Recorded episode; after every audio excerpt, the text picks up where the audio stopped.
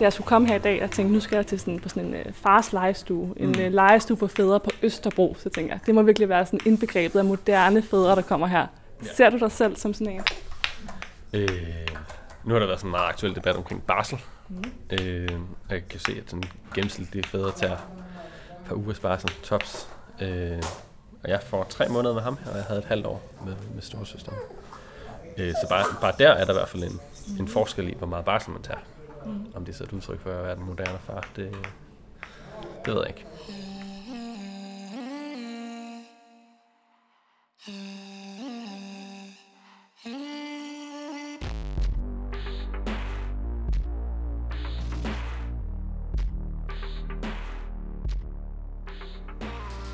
Fra næste år vil 11 uger af barselsårloven blive øremærket til fædre. Et helt nødvendigt skridt i retning mod mere ligestilling mellem kønnene og mellem mor og far, lyder det fra en side, mens den anden side mener, at staten ikke bør blande sig i, hvordan familier de tilrettelægger deres barsel. Den her debat, den peger jo også ind i nogle mere kulturelle spørgsmål om faderskabet. Såsom, er far egentlig altid nummer to? Kan far give samme omsorg som mor? Og vil far lige så gerne give den samme omsorg? Vi har i den anledning dedikeret det her afsnit til 600-tallet til en samtale om faderskabets kulturhistorie. For hvordan har fars rolle udviklet sig gennem generationer? Og hvad er egentlig biologi, og hvad er kultur, når det kommer til, hvordan mænd og kvinder er blevet set på som forældre? Mit navn er Mette Byel Thysen. Jeg er kulturhistoriker med speciale i køn, krop og seksualitet. Ja, velkommen til. Og med mig her i studiet har jeg jo som altid journalisten Louise Lindblad, som mm. jeg jo mhm. laver det her program sammen med. Og så har vi jo to gæster i øh, studiet i dag. Og øh, den første er jo netop en far, der i de senere år har deltaget en hel del i debatten omkring øh, farrollen. Så Anthony øh, Akonis, velkommen til. Tak skal du have. Tak. Du er øh, grundlægger af reklamebyrået Fireball. Så er du far til tvillingerne Rafael og Paloma. Og så skrev du for tre år siden et øh, debatindlæg i øh, Politiken med titlen Kvinder går i baglås, når de møder en alene far som mig. Og nu har du så kastet dig ind i debatscenen igen, øh, fordi du nemlig er aktuel med bogen Kun en far, som du har skrevet i samarbejde med vores anden gæst, Boline Skovly. Du er forfatter og journalist. Også velkommen til dig. Tusind tak. Først sådan, øh, til at starte med helt kort. Øh, hvorfor er den bog, vi sidder med her, øh, kun en far blevet øh, sendt ud i verden? Ja, hvorfor den blev sendt ud? Jamen, det, jeg tror, øh, fordi øh, at, at jeg fandt ud af i forbindelse med mit faderskab, og med måske, der er to faser, det at, at prøve at blive far, og prøve at blive forældre, og, og så det at blive forældre, at, øh, at der var så mange aha-oplevelser, og erkendelser, og udfordringer, og tanker forbundet med den rejse, så jeg havde sådan et, et behov for at udkomme med det, og jeg havde et behov for at bruge øh, det, jeg udkom med til at ændre en masse ting. Juridisk, øh, lovmæssigt, øh, og ikke mindst øh, emotionelt og kulturelt op i hovedet på os alle sammen. Mm. Og hvad, Boline, hvordan kom du ligesom ombord, med ombord på projektet? Jamen, øh, jeg blev kontaktet af forlaget, øh, og blev spurgt, om jeg kunne øh, være interesseret i at, at deltage i den her proces. Øh, og man kan jo sige, hvorfor, hvorfor den her bog, og det der er flere grunde til. Øh, det er jo en ret usædvanlig historie. Øh, Anthonys øh, liv øh, tog, da han besluttede sig for at blive alenefar. Derudover så er der også den her, der har været et stort fokus på mor de seneste par år. Øhm, og det her meget ensidige fokus på mor, gør jo også, at vi måske nogle gange glemmer at flytte blikket lidt hen på far. Så øh, det kan man sige, det var en af motivationerne også. Og Anthony, også for dig har det også været et, øh, et opgør med mors position, der ligesom har lidt dig til også at ville øh, gå frem med, med din historie og, og dit syn på sagen. Ja, jeg bliver altså sådan lidt nervøs, når man siger det der, fordi jeg har et, et enormt stærkt forhold øh, til min egen mor, øh, som døde, da jeg var 13 år, så, så hun fylder meget ind i mig, og, og derfor føler jeg altid, at jeg på en eller anden måde øh, træder nogen over tæerne. Og, og for mig var det ikke så meget sådan jeg tror mere, det var opgør med, med, altså for mig var det et opgør med begrebet mor. Ikke så meget kvinder og deres, og deres forældreskab, men mere den her, øh, den her kulturelle eller historiske øh, hvad skal man sige, udvikling eller definition og manifest af, at, at, at kvinden ligesom er primære forældre, og, og faren er, øh, og manden er sekundære forældre. Og det var virkelig det, som, som interesserede mig allermest. Jeg bliver, du ved, det er svært ikke at tale køn, mm. når man kaster ind i en mor-far-debat. Øh, men for mig var det mere den her med, at der er nogen, der er tildelt en førsteplads, og nogen, der er tildelt en sekundærplads. Og det synes jeg var enormt interessant at, at prøve at dykke ned i, fordi det jo var en ting, der fyldte ret meget i mig, da jeg skulle have børn. Du ved, snød jeg mine børn for et eller andet. Altså, var jeg, var jeg mindre egnet, bare fordi jeg var mand? Altså, der var alle mulige ting, der jo selvfølgelig vælter rundt, som der gør i os alle sammen, når vi skal til at blive forældre for første gang. Men, men, men jeg var egentlig enormt nysgerrig på det, og jo mere jeg sådan mødte modstand for at være alene far, eller nu er jeg jo gift med Lasse, kan man sige, men, og vi er to fædre, men, men jo mere jeg ligesom startede den rejse, og mere modstand jeg egentlig mødte kulturelt og en til en og i relationer, jo mere bliver jeg sådan interesseret i at finde ud af, hvorfor det egentlig var sådan. Altså, hvorfor er det, hvorfor er det vi landet der, og er det rigtigt? Mm. Og Boline, du er jo selv mor. Altså, i, øh, i den her proces har der også været sådan øjenåbner for dig, altså blinde vinkler, du eventuelt ikke har set netop som værende mor, egentlig også, når du måske er gået dybere ind i Ansons historie, som at se det fra farens side. Ja, det i høj grad. Altså, øhm, vi interviewer blandt andet øh, den britiske evolutionsantropolog Anna Machen, øh, som øh, forklarer faktisk, hvad en far gør. Jeg har altid undret mig dybt over, hvordan min mand Johan øh, skulle være fysisk med mine spædbørn. Mm. Øhm, og hun forklarer faktisk, at det er fuldstændig efter bogen. Og jeg har på en eller anden måde også lidt været ramt af sådan, øh, lad være med det. Vi skal være stille og rolige om det her spædbarn. Mm. Men, men øh, hun forklarer, at det fædre gør i gennemsnit verden over. Det er simpelthen at forberede dem på livet igennem rough and tumble play, som hun siger. Øh, det er en lille bitte ting, øh, som har været sådan en give plads til, til ham, der står ved siden af. Mm. Øh, for mig. Mm. Øh, samtidig, inden jeg gik ind i det her projekt, der kan man jo sige, at øh, mine egne oplevelser i moderskabet var jo også, at, at øh, den her moderomsorg, som, som vi snakker ret meget om også, øh, ikke slog igennem på samme måde. Jeg følte, jeg skulle lære det. Øh, så det udgangspunkt har været der fra start af, at jeg synes, at, øhm, at der ligger lidt et moderne martyrium hos mødre, øhm, når vi snakker om forældreskabet. Ja. Det er sjovt. Jeg har aldrig, faktisk aldrig talt om det, men, men det var det var på en måde, var det ekstremt magtpålæggende på mig, for mig, at, at, at den, jeg skulle skrive bogen sammen med, var en kvinde. Mm. Øhm, fordi jeg igen var sådan nervøs for, hvis det bare var to mænd, der sad mm. sådan og og krammede og snakkede om, hvor onde kvinder var, og hvor synd det var for mænd. Altså, det, der var et eller andet i, i balancen mellem vores køn, at der var en mor og en far, der skrev bogen sammen, som på en eller anden måde jo gav anledning til ekstremt mange dialoger og ekstremt mange facetter, øh, fordi vi jo for alt i verden ikke ville have, at den her bog skulle være en, en kønskamp, mm. Mm. Øh, men det skulle være en kamp for ligestilling mellem kønnene, og, det, og derfor var vores forfatterskab enormt interessant. Jeg, jeg, jeg tænkte på, da jeg, øh, jeg har læst bogen, og jeg tænkte på sådan, øh, nu siger du så ikke, det er ikke tilfældigt, at du har valgt at skrive bogen sammen med en kvinde og en mor, men jeg tænkte på, sådan, Bolina, om du nogensinde har følt dig øh, sådan ramt på dit, eller sådan, du ved, selvom det ikke er en kønskamp, så er det jo stadig noget med mors position, vi skal tale om. Stærke position, har du, du følt sådan, det er mit domæne det her. Jeg er ikke selv mor, så jeg ved ikke, hvordan det føles. Endnu. Endnu. Øh, aldrig. Altså, øh, tværtimod faktisk. Jeg, jeg, jeg har følt mig... Øh, og og, og nu, nu bliver det jo besværligt, fordi jeg, jeg er med i studiet som sådan en fagperson, ja. som øh, forfatter og journalist, men selvfølgelig bliver det jo også personligt på et tidspunkt. Øh, jeg har faktisk følt på en eller anden måde, at det har gjort min position som mor friere og få større viden om, hvem far er.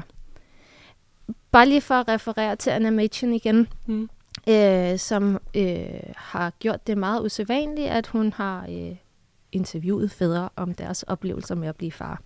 Og det siger hun selv, at det, det har øh, akademikere ikke haft tradition for at gøre før hende. Der har vi altid kigget på den fraværende far, øh, ham der skred.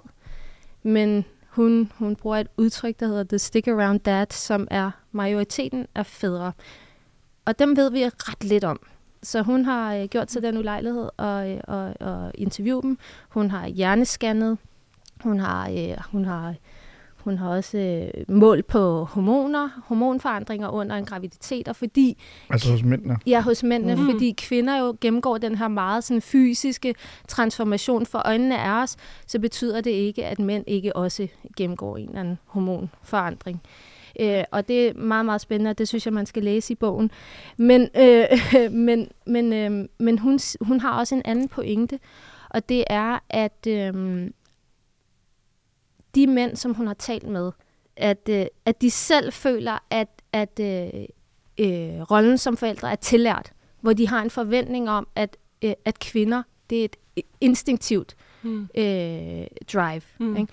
Og det placerer jo både, altså det, det, det er også ret vigtigt det der med, at vi kan ikke kun placere øh, øh, det her udskældte far, øh, den her udskældte farposition hos kvinder. Mænd skal også tage det på sig Mm. mm. selv, at, øh, at de øh, skal indtage en, en position i deres børns og deres afkomstliv. For sådan at gå lidt tilbage til, til din historie, mm. Anthony, så kunne jeg godt tænke mig sådan om, hvis du sådan kunne øh, gøre os lidt klogere på det her med, at du er jo øh, umiddelbart en historie, som øh, handler om det sådan umiddelbart biologiske umulige. Mm. Øhm, fordi du bliver, altså du er en mand, der har skabt din egen familie. Mm. Så kan du ikke starte sådan helt kort med at fortælle os, sådan, hvordan er det din historie som far, den starter? Jo, det kan jeg sagtens. altså, uha, der er jo tusind tanker, der går igennem, når vi begynder at snakke animation og alt muligt andet, men det kommer vi tilbage til. Men, men Ja man kan sige, at min historie starter jo med, at, at det, altså, det har jo været sådan, jeg er vokset op i 70'erne, jeg var teenager i 80'erne, øh, altså Danmark og København, og det, det, altså når, man, når jeg kigger på homoseksuels historie, og hvad de muligheder, så er der jo sket et, altså det er jo uigenkendeligt, altså allerede nu, når jeg skal fortælle mine gudbørn, der er teenager, om hvad det vil sige engang at være homoseksuel, så lyder det som om, jeg fortæller historier om noget, der foregår i 1880'erne, og ikke i, i 1980'erne, og, og, og der er jo sket et gigantisk skred. Øh, og det, det synes jeg er enormt vigtigt, og, og, og, og det er en vigtig forståelse, fordi da jeg voksede op, så var det at stifte familie som homoseksuel, det var bare ikke, det var bare ikke en option. Altså, det var en dør, man lukkede. Hmm. Og, og det var en dør, jeg lukkede ret tungt, øh, fordi jeg på en eller anden måde altid, jeg har altid sagt, at jeg ville altid have svært ved at forstå mig selv som voksen, uden at være far. Altså, jeg, jeg vidste, at den dag, jeg døde, så ville være det, jeg fortrød allermest. Det var ikke at have fået børn. Så jeg, så jeg kommer selv fra meget, meget stærke familiesammenhænge, så, så det var sådan et, det var virkelig et afkald. Og, øhm, og øh, så, så, så, så da den, den dør pludselig åbnede sig, at jeg sad til middag med nogen, øh, som pludselig sagde, at et, et homoseksuelt par, og vi er i gang med at få tvillinger ved hjælp af en surrogat og en donor i USA, og så videre, og så videre. Så løb jeg bare igennem, og så mig aldrig nogensinde tilbage. Altså, det var, sådan en, det var som om, jeg, jeg var sådan en øh, du ved, vedløbshest, og boksen blev åben. Og, øh, og i virkeligheden gav det ingen omtanke eller refleksion, fordi at drivet ind i mig var så voldsomt, at det har ligget sådan latent i mig i hele mit voksne liv. Mm. Så, så i virkeligheden var det, var det, da døren åbnede, og muligheden bød sig. Fordi alle de andre, og det tror jeg er vigtigt at sige for at svare rigtigt på spørgsmålet, at, at jeg havde hørt for mange grufulde historier om, om homoseksuelle, der er adopteret. Øh, så var der regnbuefamilier, der var der også rigtig mange ikke så gode historier. Og, og, og, og det, der var problemet, det var, at jeg ville jo have min egen familie. Jeg ville have mine egne børn. Jeg ville ikke adoptere et barn. Jeg ville heller ikke øh, være en sjov weekendfar, for det havde jeg rigtig gudbørn, jeg var for. Jeg vil, jeg vil gerne have min egen familie, mine egne børn. Så, altså biologisk altså egen biologisk egne børn, jeg, Og som du havde hele tiden. som jeg Ja. havde hele tiden. Altså, at det var et rigtigt forældreskab. Med al respekt for dem, der gør det på andre måder i øvrigt. Så, men det var vigtigt for mig. Så, så da den der åbnede, så, så var det bare sådan en, jeg tog. Og selvom jeg ret hurtigt fandt ud af, at det var ulovligt, og der var alle mulige problemer med det, men, Mm. men jeg så mig aldrig nogensinde tilbage. Aldrig. Så du, øh, altså bare lige sådan ganske kort til dem, der ikke kender din historie. Ja. Det, altså, så, nå, undskyld, Ja, var det det, der var spørgsmålet? Nej, nej, det var det egentlig ikke, men det er bare, det er bare sådan, Ja. så alle, hvis nu man ikke øh, Undskyld. kender din historie. Ja, men, øh, men jeg, fik, øh, jeg fik jo børn, altså øh, i, i, i- en del stater i USA efterhånden, og flere og flere, så er det at få børn ved hjælp af en surrogat, altså en graviditetsvært, Mm. øh, og, en, øh, og en donor. Det vil sige, du, du køber æg et sted, og du indgår i et, i et kommersielt partnerskab med en kvinde Mm. et andet sted. Og sammen laver man så nogle børn. Må jeg lige øh, knytte en kommentar du være til, til, hvad du lige sagde? Noget, jeg synes, der var rigtig, rigtig spændende ved øh, Anthonys historie, det er også det her med, at han taler om en længsel Mm. øh, og et drive mod at få sine egne børn. Det synes jeg øh, tit og ofte kun vi hører kvinder tale om, når vi øh, stifter familie. Øhm, så for mig at se, så er det ret spændende, det her med, at, øh, at det også fylder noget hos en mand. Ja, Mm. jeg synes også, det var, nu har jeg hørt sindssygt mange øh, fødselsberetninger fra kvinder på sådan noget To the Moon Honey og sådan noget. Og øh, jeres prolog, det er jo faktisk din fødselsberetning. Mm. Det synes jeg faktisk også var sådan en, øh, Præcis.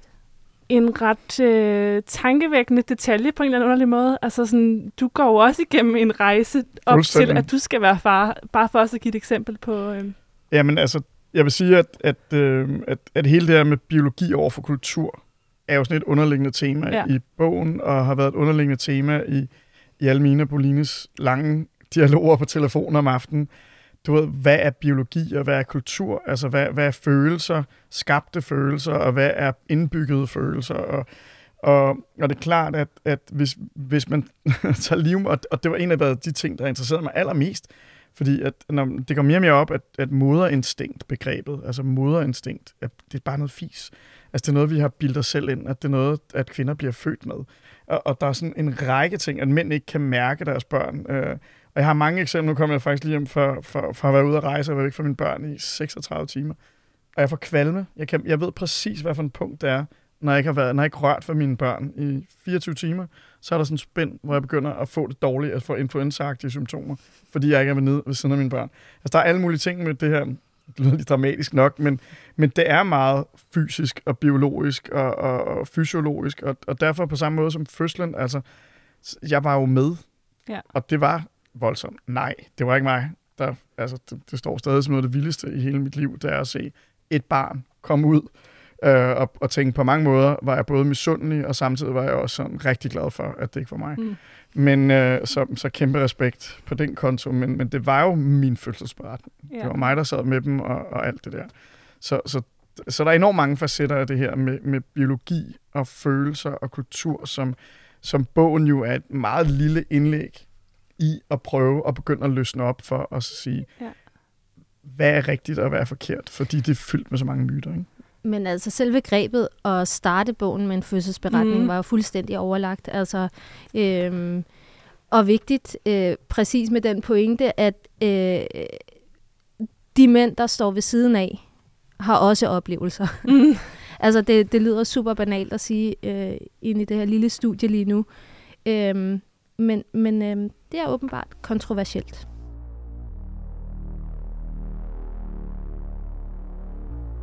Du lytter til 600-tallet med Mette Byril Thysen og Louise Lindblad.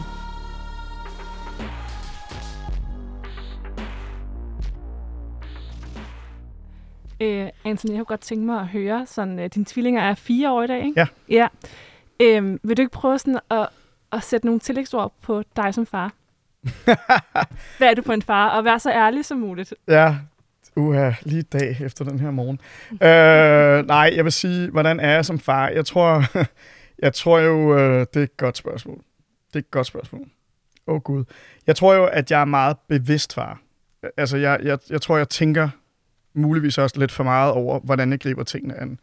Øh, og det hænger ikke sammen med, hvem jeg er som person, fordi jeg er enormt sådan spontant og varmer op på banen og så videre. Så der er sådan et spændingsfelt mellem, at jeg tænker over tingene. Men jeg tror jo, at jeg er en enormt kærlig, omsorgsfuld, øh, fysisk øh, øh, far, som er enormt meget i dialog med mine børn. Mm. Øhm, jeg har også et voldsomt temperament, og jeg, jeg kan råbe og skrige, og jeg kan gøre alle mulige ting. Øh, der er heldigvis gift med Lasse, som er fra Jylland, og er helt rolig. Så i, i spændingsfeltet mellem os, så har vi, tror jeg, jeg, jeg tror, de, har, de er meget glade, de der børn der. Vi så Løvernes Konge i går, og det var første gang, jeg så Paloma græde til noget, hun Mm. så. Øh, og så tudede jeg også. Jeg, jeg nåede ikke engang at trøste hende, fordi vi sad bare der og krammede og græd begge to. Men, men øh, jeg tænker, at jeg er en god far. Jeg prøver i hvert fald mit bedste, og det tror jeg jo i virkeligheden, at det det, handler om. Det var virkelig et Mm. mærkeligt svar. Nej, men jeg tror faktisk, det, det, det, det, peger også hen i, i, i, i noget i bogen, som faktisk øh, var vigtigt for os begge to, det her med, og øh, det skulle ikke være en forsvarstale for, øh, hvor god en far du var. Det var også øh, at, at, at, at turde tale om alt det, der er svært mm. Mm. ved forældreskabet. Øhm, og også øh, på den præmis, at fordi du er far, og du selv har valgt det, så er det stadig benhårdt og alle mulige ting. Og, og, og i virkeligheden en fortælling, det her med at kunne lytte på andres erfaringer, spejle sig selv i dem, der, der vil vi helst ikke høre på, at øh, det er pisse nemt at have to børn øh, mm. på en gang. Mm. Så, så, så det her med, øh, at øh, Anthony faktisk også øh, deler ud af, øh, af, hvad der er svært. Ja. Det, det, det synes jeg er ret befriende i bogen. Jeg tror i virkeligheden, hvis jeg må indskyde noget, Det må når du jeg godt. fik lige to sekunder til at tænke, så tænker Ja. jeg, at det jeg, synes, det, jeg lægger mærke til i mit forældreskab, Mm. det er, at det har givet mig en... Jeg er glad for, at jeg er Tony i min alder, som jeg er nu, og ikke Tony i 20'erne, der har fået børn. Mm. Mm. Altså jeg mærker, at min alder arbejder til fordel for mig, fordi at der er så meget, jeg er så pænt ligeglad med nu. Karriere, øh, skulle gå i byen. Altså der, der er sådan alt muligt, du ved, som man ligger og slås med, når man er i 20'erne, start 30'erne, og der er alt det, man også skal nå. Det fede er, at jeg har nået alt det der, så jeg er sådan, jeg er en, du ved, det er 100% min familie, mine børn, der er min første prioritet. Mm. Og det gør det pænt meget nemmere, tror jeg, at være forældre. Det er faktisk en ret god overgang, det du lige sagde, så det er, vi skal tale om nu. Fordi grunden til, at jeg spurgte dig, øhm, det er fordi, jeg godt kunne tænke mig, at det, er det er jo et kulturhistorisk program, det her. Jeg godt tænke mig, at vi taler om, hvordan farrollen har udviklet sig over tid. Ja. Og jeg har også øh, spurgt de her fædre på Østerbro, hvad de er for en far, hvordan de ser sig selv som far. Og det synes jeg lige, vi skal høre.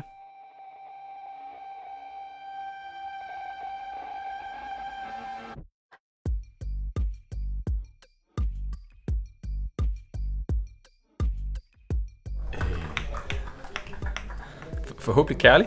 Øh, på. Forsøger i hvert fald at være det. Øh, I alle aspekter. Øh, engageret, deltagende. Ja, det ved jeg ikke. Altså, jeg gør i hvert fald alt for at, at være lige så meget øh, forældre til ham her som hans mor. Og vi prøver også at, øh, og have det sjovt sammen hver dag, så det kun bliver de praktiske ting. Så prioriterer meget og har tid til at tumle og lege og tage steder som det her, for at have nogle gode stunder i løbet af dagen. Og så prøver jeg at meget at være til stede. Så derhjemme, så øh, handler det allermest om ham her hele dagen, og hvad han øh, har behov for og lyst til. Og så prøver jeg også at sætte nogle ting i gang. Og, og ja, tage herned for eksempel, hvor han kan lære at tumle med andre børn og sådan noget. Ja. Nu ved jeg jo selvfølgelig ikke, om der er en, øh, en mor derhjemme. Hvis der er, ser du så sig selv som øh, ligeværdig med, med hende? Spændende spørgsmål. Øh, min kone er øh, sociolog, og vi har mange spørgsmål og mange øh, debatter omkring lige præcis det. Øh, jeg vil sige, vi er vi, vi, vi forsøger at, at dele det. Øh, et er ligesom det at være sammen med børnene, noget andet også at så deltage aktivt i det huslige arbejde hjemme, som også på en eller anden måde er koblet til det at være, være forældre. Øh, og der, øh, der forsøger jeg i hvert fald så, så hårdt jeg kan at være en ligeværdig partner, også, også i den, den del omkring øh, det huslige arbejde hjemme. Er det Øh. det samme som, at du er det, føler du? Det, det er svært at sige. Okay. Øh, jeg, jeg har et indtryk af, at det er det. Jeg tror, hvis man spørger min kone, er det måske et andet svar, der kommer. Ikke? Sådan er det jo altid. Wow. Hvorfor siger du wow? Jamen, jeg blev helt rørt. Jeg fik- tårer i øjnene. Det, altså, det var... Ja, sorry. Stil spørgsmål. Det var vildt. Ej, fortæl lige hvorfor. Jamen, det var jeg ikke. Jeg, øh, altså, fordi jeg tror, vi har skrevet og snakket så meget om det. Og så oplever man det her, og så tænker man, altså, det, det er vildt. Altså, det er jo det, der er den store kulturelle revolution, som er sket, uden vi har opdaget det. Det er jo lige præcis, at den første gut der starter med at sige, jeg prøver at være kærlig, jeg prøver at være på. Og jeg tror, det er virkelig mm. det, i virkeligheden er den bedste overskrift på den der gigantiske revolution. Vi talte med Svend Aage Madsen, Hmm. som Som, siger, at som er øh, psykolog. som er psykolog og, og øh, forsker ekstremt meget i køn og, Mm. mm. og mænds omsorg. Og han siger jo, at den, den største revolution, der har fundet sted de sidste 20 år, det er, at mænd er gået fra at, at have en familie til at være en familie. Hmm. Og, og i virkeligheden, så er det jo det, vi hører her på sådan en vild måde, at fordi hele narrativet, når du spørger om det kulturelle, altså hele ja. narrativet indtil i dag, øh, jeg husker, det var også Svend Aage, som sagde, jamen den første bløde mand, jeg havde blød mand, men det er en anden snak, men, men, men den første far, vi møder i litteratur og kunsthistorien, er Alfons Åbergs far i 70'erne. Altså indtil da, så er det historier om den farværende far, den onde far, du ved, øh, Isaac Abraham. Altså det er sådan det er voldsomme historier fra græsk mytologi, fra religion og, og så videre, som handler om den her onde, farlige øh, far, der æder sine egne børn, eller slår dem ihjel, eller mm. ikke er der. Og, og det er litteraturen og kunsten jo fyldt med. Og, og lige pludselig kommer Alfons Åbergs far, og så er det bare Alfons og hans far. Og, og, som er, og han er omsorgsfuld, og han er opdragende og alt muligt andet. Og når man så hører de her mænd, som så siger, prøver at være kærlige på, og det er jo præcis det. Mm. Mænd er blevet anklaget for aldrig at være på, fordi de er fraværende, og at man ikke kan udsyde, udgyde, hvad hedder det, ud, øh, udvise undskyld, omsorg og kærlighed, fordi det var jo ligesom kvindernes gebit. Så når der sidder sådan nogle unge jyske drenge, lægger jeg mærke til på Østerbro, mm. og, øh, og, og, og fortæller det her, så, så siger det jo noget om, at, at, at, at, at tingene er i en bevægelse, ja. og ikke bare en bevægelse er i gang med at manifestere sig, og det er jo, det er jo fantastisk. Oplever du også det med det? Og, og vil du ikke også prøve at nogle ord til den her transformation, som du også taler om, Anthony, øh, som far, faderrollen har været igennem de seneste årtier? Jo. Og jeg synes jo også, noget, der er faktisk er rigtig interessant, det er faktisk bare at gå, altså hvis man går 100 år tilbage, så skal vi frem til 1922, fra at vi faktisk ophører fra at have en øh, sådan formel juridisk konstellation, der jo hedder, at manden var overhovedet, og han sådan set havde ret over både øh, kvinden, altså moren til hans børn, hans børn, tyne, hvis man havde sådan noget. Altså det er i 1922, mm. at det ophører, ikke? Mm. Så man kan sige, at vi er jo også gået fra at kigge på manden som sådan lidt en, øh, altså virkelig en, en, en patriark, som i virkeligheden øh, holder, holdes fast, om, altså illusionen om patriarken i familien, øh, langt op i, i 1900-tallet. Øh, også op gennem 40'erne, 50'erne, delvist også øh, 60'erne. Øh, nu øh, ja. hænger der også en, øh, en valgplakat heroppe fra Socialdemokratiet. Øh, den er fra 1960. Ja, det øh, ja. Og øh, ja. Anthony, vil du prøve at beskrive, hvad, du, hvad vi ser på den der plakat? Bare så lytterne er med. Jo, altså vi, vi ja, øh, ser to øh, valgplakater på Socialdemokratiet. Og, øh, og i det ene billede, der, der handler det om arbejde og tryghed, som jo klart er manifesteret øh, via faren, der står der i sit jakkesæt, og kommet hjem til, til den gode husmor i sit forklæde, og alle børnene, som alle sammen er blonde, og, og øh, hun har bare født mange børn, hende der, og, øh, og krammer far, og den ene Sønneke, du ved, der er tre piger, og så er der sønnen, som jo allerede er i gang med at blive sin far, fordi han slæber farens øh, tunge, øh, tunge arbejdstaske der. Og på den anden plakat, der står der en, en anonym mor og, og nogle børn og vinker farvel til far, fordi han skal ud i arbejdsmarkedet, tryghed i beskæftigelse. Og det er jo, og det vilde ved de der billeder, det er jo, at det kan godt være, at vi er i 2021, men alt det, vi lever i, er bygget op omkring forestillingen, er lige præcis det der. Mm. Altså, det kan ikke blive mere heteronormativt, det kan ikke blive mere gennemsnitligt, og det er stadig den måde, vi vurderer alting op imod. Det er det der. Om det handler om kvinders løn, på arbejdsmarkedet, om det handler om barsel, om det handler om mænds ret til at få børn, så, øh, så er det bare vildt, når man kigger op på de to billeder, så tænker man, jamen, det er bare det. Det er det der, vi skal gøre op med. Mm. Jeg kan ikke lade mig at tænke på, øh, måske det er et særligt spørgsmål til dig med det. Øh, tit, når vi sådan går tilbage i tiden og kigger på noget, der har udviklet sig over tid, så øh, for man ligesom også kan forstå noget i en historisk kontekst, så nogle gange bliver det måske... Eller jeg kan lade mig tænke på, om det her ikke er... Altså selvfølgelig er de her måske lidt karikeret, de her valgplakater, men kan det ikke godt blive nogle gange lidt karikeret måden, vi sådan taler om den fraværende far? Så, altså, øh, var han så fraværende? Altså ud fra et historisk punkt, så vil jeg sige, så bliver jeg faktisk nødt til at sige, at jeg tror ikke, jeg tror ikke det kan blive helt karikeret nok, faktisk. Okay, øh, okay. øhm, og det er jo ikke for at sige, at der ikke skal være plads til nuancer, men, men, men bare også for at sige det der med, at vi jo også øh, ser en kulturhistorie, hvor man jo øh, helt automatisk også øh, har koblet det der med at være forældre ret automatisk til moren. Mm. Der er faktisk nogle ret interessante, sådan lidt mere altså, øh, rettighedsaspekter også tilbage i 1800-tallet, fordi man har kigget på, hvem er egentlig den bedste forsørger for barnet. Så tit, hvis man, øh, gud forbyde det, skulle blive skilt, for eksempel i 1800-tallet, så kan man faktisk se, at der egentlig var... Øh, var ret god chance for, at børnene ligesom ville altså, tilhøre faren, fordi han økonomisk set kunne øh, stå, eller tage bedre vare på dem, end moren kunne. Mm.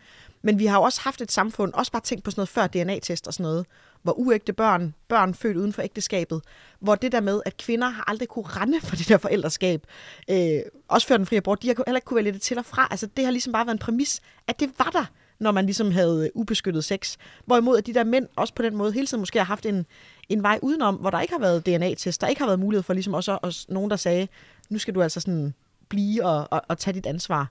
Så er det i hvert fald måske mere sådan en moralens vogter. Det har været rigtig svært sådan mm. lovmæssigt egentlig at påvise øh, det, her, øh, det her faderskab. Hmm.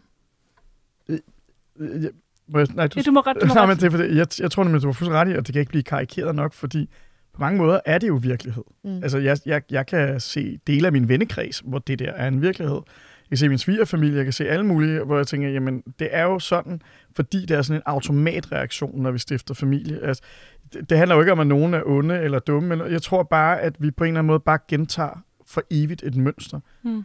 hvor at det bliver sådan en, en, en, en automatreaktion, når du stifter familie. Så derfor er det sådan, det hænger sammen, fordi Mm. sådan har det altid været. Og det, og det er derfor, det her handler mere om en... Altså, det, det er virkelig stor kulturel revolution, vi har gang i. Ja. For det er så lang tid at ændre det der. Og så tror jeg også, man kan sige, at jeg synes, det var virkelig interessant, du nævnte Alfonso Berg, for hvis vi sådan skal prøve at kigge på måske det første sådan brud, der har været i, i nyere tid, så skal vi jo også kigge mod, øh, mod 70'erne. Øh, men hvor det jo også igen måske bliver meget fortællingen om en gruppe kvinder, der også gik frem og sagde, nu vil vi altså have Mm. ligestilling, det, vi har talt om det før, men på flere parametre. Mm. På arbejdspladsen, lønnen, øh, i sengen, øh, og for den sags skyld også i, i forældreskabet, og i virkeligheden også i, øh, i hjemmet, som øh, de her øh, fyre på Østerbro også øh, talte om. Og, og, og på mange måder var 70'erne jo også en, en, en brydningstid, hvor det passede rigtig godt ind. Men noget af det, jeg også godt synes, man sådan historisk nogle gange godt kan stille spørgsmålstegn ved, det var måske også det der, hvor, hvor meget blev det øh, ved snakken. Jeg er med på, at man prøvede at rykke ved nogle normer og sådan noget, men, men, men kigger man også rent statistisk på, jamen, hvor mange mænd var så på deltid i 70'erne for eksempel, mm. eller hvor mange kvinder kørte så karrieren, eller hvor mange valgte ligesom måske at gøre det på nogle andre måder, eller, eller også bare, hvor mange mænd op gennem 80'erne har taget barselsorlov. Altså, jeg spurgte min egen far sådan, Gud, havde du egentlig barselsorlov dengang? Hvor han sagde, ja, ja, ja. Jeg havde tre måneder øhm, med min bror og jeg, der var tvillinger, hvor jeg var sådan, nå, hold da op. Ja, altså, jeg satte jo huset i stand. Mm. Hvor jeg også var sådan, det, det er jo også en interessant fortælling, ikke? Hvor, det sådan, hvor meget altså, blæskiftet har der været over det. Eller sådan. Så der har de ligesom gjort fælles barsel. Han har fikset et hus, min mor har taget sig af børn. Ikke? Så jeg synes, sådan, selv op gennem de der efterdønninger, også i 80'erne og 90'erne, hvor jeg egentlig tror, at man på mange måder har tænkt, jamen der er noget fra 70'erne, hvor vi jo er på vej mod et ligestillet mm. samfund. Igen statistisk set, ikke rigtigt, når vi kigger på det. Og hvad er det så, der sker i lige præcis de her år? Altså, der sker ret meget, en del øh, på lovgivningssiden. Øh, vi hører de her fædre. Er der noget om snakken? Altså, er der, er der, er der handling bag snakken i dag så? Jeg synes vi også, vi skal spørge vores to gæster om, hvad deres bud er. Man kan sige, at det, jeg synes, der er, er ret interessant, det er jo, at øh, i virkeligheden har øh, fortællingen om den øh, nærværende far, Mhm. mm-hmm. øh, som vi også var lidt med i starten, den er jo i virkeligheden blevet overskygget af det her med, at det har været så magtpålæggende og vigtigt for os at få mor ud på arbejdsmarkedet og få mor til at gøre karriere. Så jeg synes faktisk i virkeligheden, det har været altså, morens muligheder for karriere og for mm. udfolde sig Mm. øh, rent professionelt, rent fagligt, der har været fokus, og ikke så meget på, hvad betyder det så egentlig, når mor gør det? Mm. Altså en af Svend Aage Madsens pointer var også, at øh, i 80'erne, der inviterede man jo fædrene med til fødsler, øh, som kan være en af forklaringerne mm. øh, på, øh, hvad, hvad, er det, der sker i den her øh, tidsperiode. Øh, førhen, der blev de jo faktisk øh, gemt væk. Øh, De var ikke komme. Nej, de var ikke en del af fødslen, mm-hmm. og, øh, og øh, det, det fremhæver han i, i hvert fald i det interview, vi lavede med ham, som, øh, som en af forklaringerne på den her bevægelse fra den fraværende far Mm. til den nærværende far. Altså, ja, det, det er super spændende det her. Fordi jeg, jeg, i virkeligheden tror jeg, jeg, jeg på mange måder har lyst til at sige, at det handler om teknologi. Det er et mærkeligt svar, men, men jeg tror jo, at jeg tror, at forældreskab er i gang med at, at frigøre sig fra familien, som vi forstår den. Altså, at, at vi lever i en tid, hvor at det, vi ser op på de der socialdemokratiske øh, gamle valgplakater, at det er i så vanvittigt opbrud. Øhm, på godt og ondt. Altså, der er jo et kæmpe værditab, der er et kæmpe, du ved, der er alt muligt forbundet med det. Men jeg tror jo, at, at i dag er, er familien under beskydning og under rekonstruktion. Øhm, og vi kan se særligt i de store byer, at vi jo, at vores familieforståelse er jo vores tætte venner. Altså, at, at, at folk skaber deres egne familier. Der er kvinder, der får børn alene. Nu begynder mændene at få børn alene. Der er regnbuefamilier. Der er, altså, så jeg tror, at hele den der, det der samsurium af konstellationer, som jo så sætter et pres på systemet, som skal lave ny lov, lovgivning, Mm. nye regler. Så jeg tror i virkeligheden, at i det her kaos, der hedder familiekonstruktioner, at de her nye virkeligheder opstår. Så, så, så det, jeg har gjort, jeg, jeg, jeg er jo helt på avantgarde på en teknologisk udvikling, som jo givetvis om, altså man anslår jo omkring 1.500 børn øh, i Danmark er kommet til den her verden, og det er et tal under acceleration. Så, så jeg tror jo, at, at, Men når vi kigger på det nu, og det tager fart nu, så er det simpelthen fordi, at, at vi har nået sådan et tipping point i familieformerne og familieforståelserne mm. Og, og seksualitetsforståelserne og kønforståelserne, så folk bare lige pludselig stifter, jeg tror, hvad fanden, jeg tror, de opererer med, jeg tror, det er 37 plus Ja. forskellige familieformer Mm. i Danmark. Ja. Og så er det klart, så sidder man altså der som system Danmark og har, har travlt med at skulle følge med, ikke? Jeg får lyst til at, at knytte en kommentar til, til de her billeder også. Øhm, vi gør startede med at sige, øhm, det her store øh, morfokus, der er øh, i, i populærkulturen. Vi har øh, Olga Ravn, der har skrevet en vigtig mm-hmm. bog, der hedder Mit Arbejde. Øh, øh, øh, men, men, men, det, men, men det der øh, meget entydige fokus, som jeg også prøvede at forklare der i begyndelsen, at der var også en stor udstilling på Louisiana. Vigtigt, godt osv.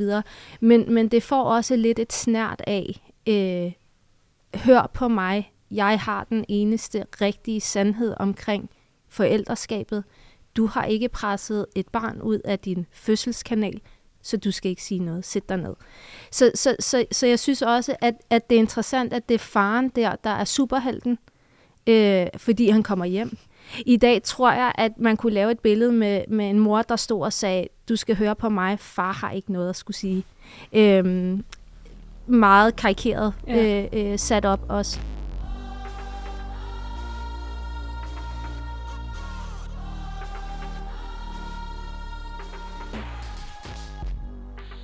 Ja, et af de spørgsmål, som vi, øh, vi stillede i introen, og som I to jo også undersøger i jeres bog, det er jo det her med, hvad er kultur, og hvad er biologi, når det kommer til, hvordan mænd og kvinder bliver set på som forældre. Øhm, I har også spurgt en række markante stemmer i bogen, med forskellige meninger og forskellige faglige udgangspunkter.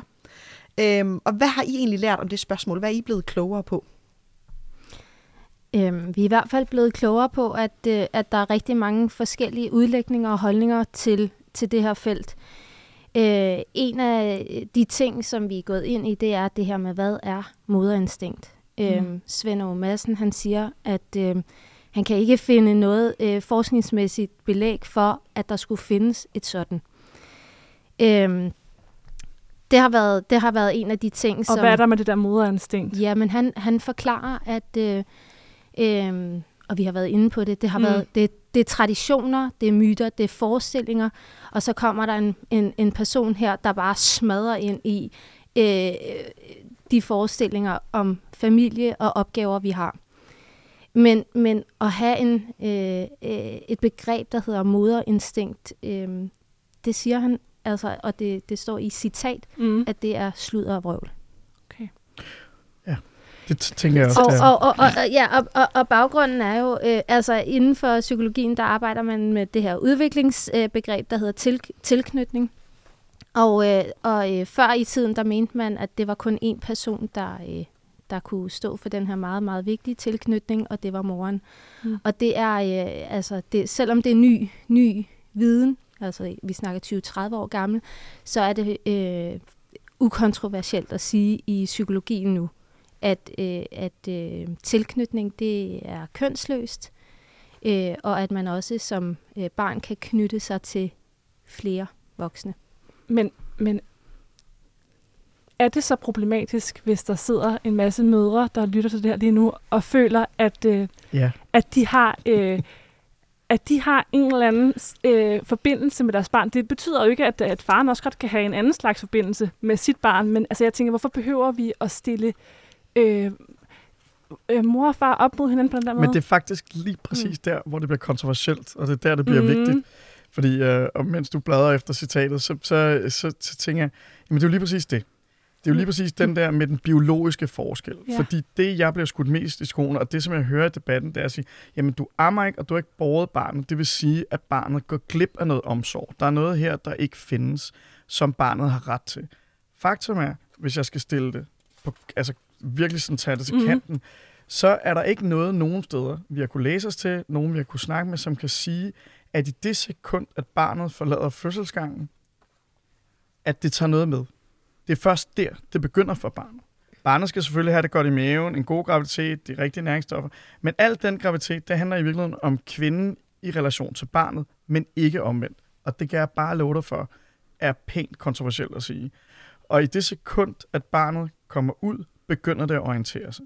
Og der kan det sådan set orientere sig ifølge forskning og det, vi taler med, mod hvem som helst. Det kan være en tredje part, der kommer til. Der behøver ikke at være et uh, biologisk, Der behøver ikke at være et øh, biologisk bånd. slægtskab. Mm. Og, og grund til, at det er kontroversielt, det er jo, at, at det, man slås mod her, det er jo lige præcis det her, den biologiske øh, fordel ved, at jamen, jeg har som kvinde, jeg kender barnet, ved der, er der nogle kvinder, der vil sige. For jeg har gået med barnet, Mm. jeg har taget mig af barnet inde i maven, det vil sige, jeg har allerede et bånd til barnet. Det kan godt være, at du har. Barnet har ikke noget bånd til dig. Mm. Og det er der, det er der, det hele begynder, og det er der, det begynder at blive vanskeligt. Så hele den der, de tre-fire måneder, hvor fædrene ikke kommer til, fordi det er moren, der skal være primær, for det er vigtigt for barnet, det passer ikke. Og det er der, altså, altså jeg kan godt høre allerede det, når jeg sidder og siger det, så siger det sådan lidt, med sådan et lidt, øh, lidt forsigtigt, provokerende grin, fordi det er her, det er her, det begynder. Og det er det, som jeg, jeg håber på, at der er rigtig mange, der gider at begynde at kaste sig ind i, og forske i og bevise, fordi vi kan bare ikke finde noget på det, og det er det, der gør det spændende, og det er her, det starter. Det er her, den der, hvor man siger, jamen, jeg er mor, jeg har styr på det, jeg har et moderinstinkt, jeg har alle mulige, mm. alle mulige mytiske egenskaber, der bliver tillagt i det øjeblik. Vi kan bare ikke få øje på dem steder. Men mor og far, det kan godt være, at barnet starter fra nul på en eller anden måde, men, mm. men mor starter et andet sted end far. Kan du forstå, hvad jeg mener? Mm. Jamen, det er noget andet, men, Ja. men i virkeligheden, så vil Anna Metin fortælle dig, at faren bare er hurtigere til at komme efter det. Okay. Øh, at, at hans øh, testosteronniveau dropper jo i det øjeblik, at hans partner bliver gravid. At under fødslen dropper det endnu mere. Altså, så der er alle mulige du ved, biologiske ting, der faktisk sker i manden også.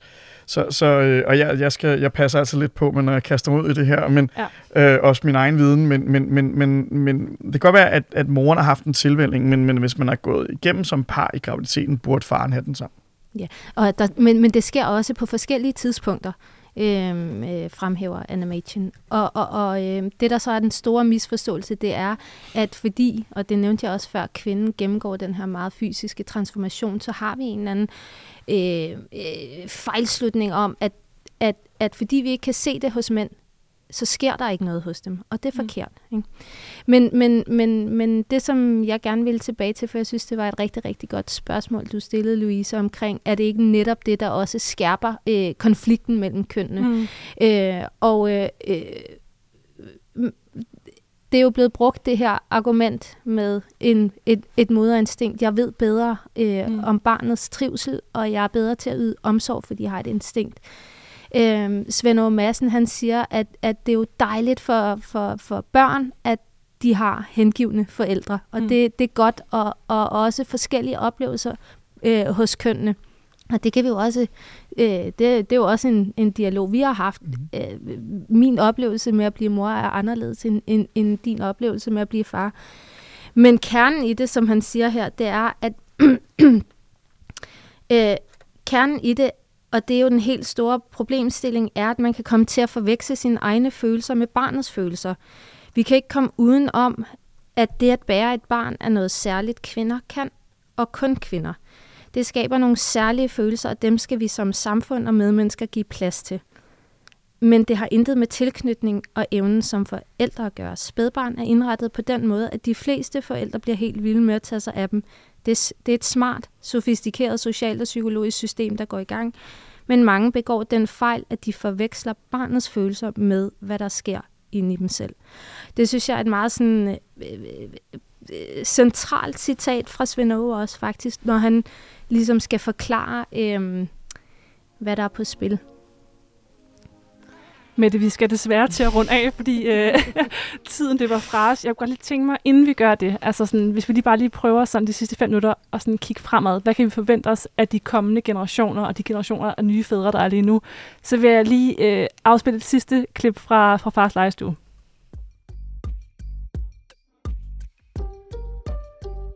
Sådan far-idealet 2021. Ja. Hvis du skal prøve at knytte nogle ord til det. Øh, så vil det jo meget det, vi også har været omkring, at det, det handler om at være en, en ligeværdig partner i, øh, i forældreskabet, at man skal, man skal tage nogle, nogle ting, som tidligere har været forbeholdt til kvinderne, som stereotyp i hvert fald. I hvert fald. Øh, sige, det er også en, en, en boldgade, vi, vi skal spille ind på. Øh, det handler jo helt klart også om at være, være en, en far, der har der er langt højere grad kontakt med, med hans følelser. Øh,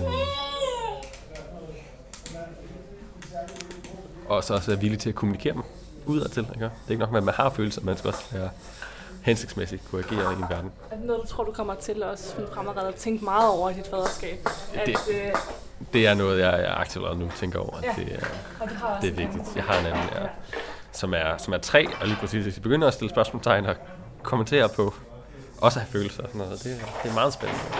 Ja. Kan vide, hvad det kommer til at betyde for, nu sidder vi med dit lille barn her, mm. altså hvad det kommer til at betyde for dem, når de vokser op. Øh, altså jeg, t- jeg tror bare, det kommer til at være nogle andre øh, far-børn-relationer, der bliver skabt fra nu af. Og jeg håber på nogle, på nogle sundere relationer. Ja, bare lige sådan helt kort til sidst. Man kan sige, nu, øhm, det er også i anledning af, af den her nye barselslov, vi, vi tager det op. Øh, der er jo også sket andre strukturelle ting i samfundet, såsom at man nu melder ud, at man i 2022 vil fordele børnepengene mellem øh, far og mor. Øh, fremadrettet vil der også komme information til faren i e-boks vedrørende børnene. Det er jo helt store, revolutionerende ting, der sker. Så udover det, at man sådan prøver strukturelt øh, fra samfundets side i hvert fald at, at skabe øh, ligestilling, hvordan tror I to, hvis I skal give os bud på, at farrollen kommer til at se ud øh, i fremtiden? Altså, øh, jamen, det er jo super spændende. Altså, det jeg sidder og tænker, når jeg lytter Mm. øh, til vores dialog, og særligt de her, de her unge brave mænd, så tænker jeg, at, at en af de ting, jeg tror, vi står overfor, er en, en kæmpe mandefrigørelse. Øh, for jeg, kunne, jeg, jeg kan mærke på dem, at, at de også siger noget, som de, gerne, som de tror gerne vil høres. Øh, helt vanvittigt faktisk. Mm. Øh, jeg tænker, at deres kærester har skrevet briefen, ikke for at fornedre deres udtalelser i øvelse i, i øvrigt, men, men, men en af de ting, som jeg tror er, at, at jeg tror, at det her, det nyfundne faderskab, kan være med til at være en nøgle til, at mænd i den grad frigør og redefinerer sig selv. Fordi vi har bare stået der på perronen og, og kigget på kvinderne, der, øh, der har reddet sig selv med rette, fordi det skulle vi, og vi har bakket op omkring det. Men på en eller anden måde, så står mændene sådan lidt tilbage, som nogle lidt for sagte, lidt forsigtige øh, mænd, som, som i den grad måske har brug for at, at finde sig selv. Så, så når jeg kigger ind, så tænker jeg, at, at den her gode farkultur, den kommer til at fortsætte. Men jeg håber også på, at der kommer til at være nogle mænd, som øh, finder sig selv som mænd, Mm. og, og, og succesfuldt får kombineret de to roller, eller fusioneret dem i virkeligheden. Ja, der er mere øh, fællesskab i, øh, i, i forældreskabet også. Øhm, fordi man kan også frygte, øh, og det er det, jeg tror, du også mener, at, øh, at, at der er en rigtig måde at være far på i dag. Du skal helst tage sindssygt meget barsel, og du skal helst performe totalteateret. Og det er jo også et tidsspor på en Mm. eller anden måde. Jeg skal være bedre til at tale om mine følelser. Ja, ja jamen sådan noget der. Altså det, det kan også, det kan også øh, komme over i, at, at, at nu har vi så i, igen en ny ensretning med, hvordan er du den rigtige far? Og den store pegefinger. Ja. Det, det, det håber Ja. jeg ikke sker. Jeg håber, det der sker, det er, at vi er mere fælles om, om projektet børn. Og så bare er forældre for, for vores afkom. Hvad tror du med det? Jamen, jeg tror jo på, på alle måder, at vi, øh, vi står midt i en tid, som i hvert fald varsler øh, forandringer og, øh, og ændringer. Øh, så kan man diskutere, og det er jo ikke det, program handler om, om man er for eller imod øh, mere barselsorlov til mænd og tvungen barsel om hvad ellers. Men jeg, jeg tror i hvert fald, at der er nogle øh, skridt på vej nu, der vil skabe nogle forandringer øh, i måden, vi ser forældreskabet på. Vi har nu været igennem en øh, rejse i øh, faderskabets kulturhistorie, og vi kan vel nærmest øh, også sige, at han er gået fra patriark til skaffedyr, forsørger, til vi i dag i hvert fald har, øh, og de forestillinger eksisterer jo stadigvæk i bedste velgående, men, men med de nuancer, at der jo også er masser af fædre i dag, der er nærværende fædre, øh, og tror jeg også, som har lyst til at være fædre på andre måder, end de har oplevet deres egne fædre øh, være på. Så det bliver øh, vildt spændende, og man har lyst til at kigge ind i krystalkuglen og bare sådan spole 10 år frem og se, hvordan det egentlig ser ud. Men øh, jeg tror godt, at øh, vi her i studiet kan blive enige om, at der altså kommer til at ske ændringer i øh, måden, man også er far på. Louise og jeg, vi vil bare sige tusind tak til både Anthony og øh, Boline, fordi I kom i dag og gjorde os øh, meget klogere på fædreskabet. Selv tak. Tusind tak. 600-tallet er produceret af vores tid for Radio Loud. Tak fordi du lyttede med.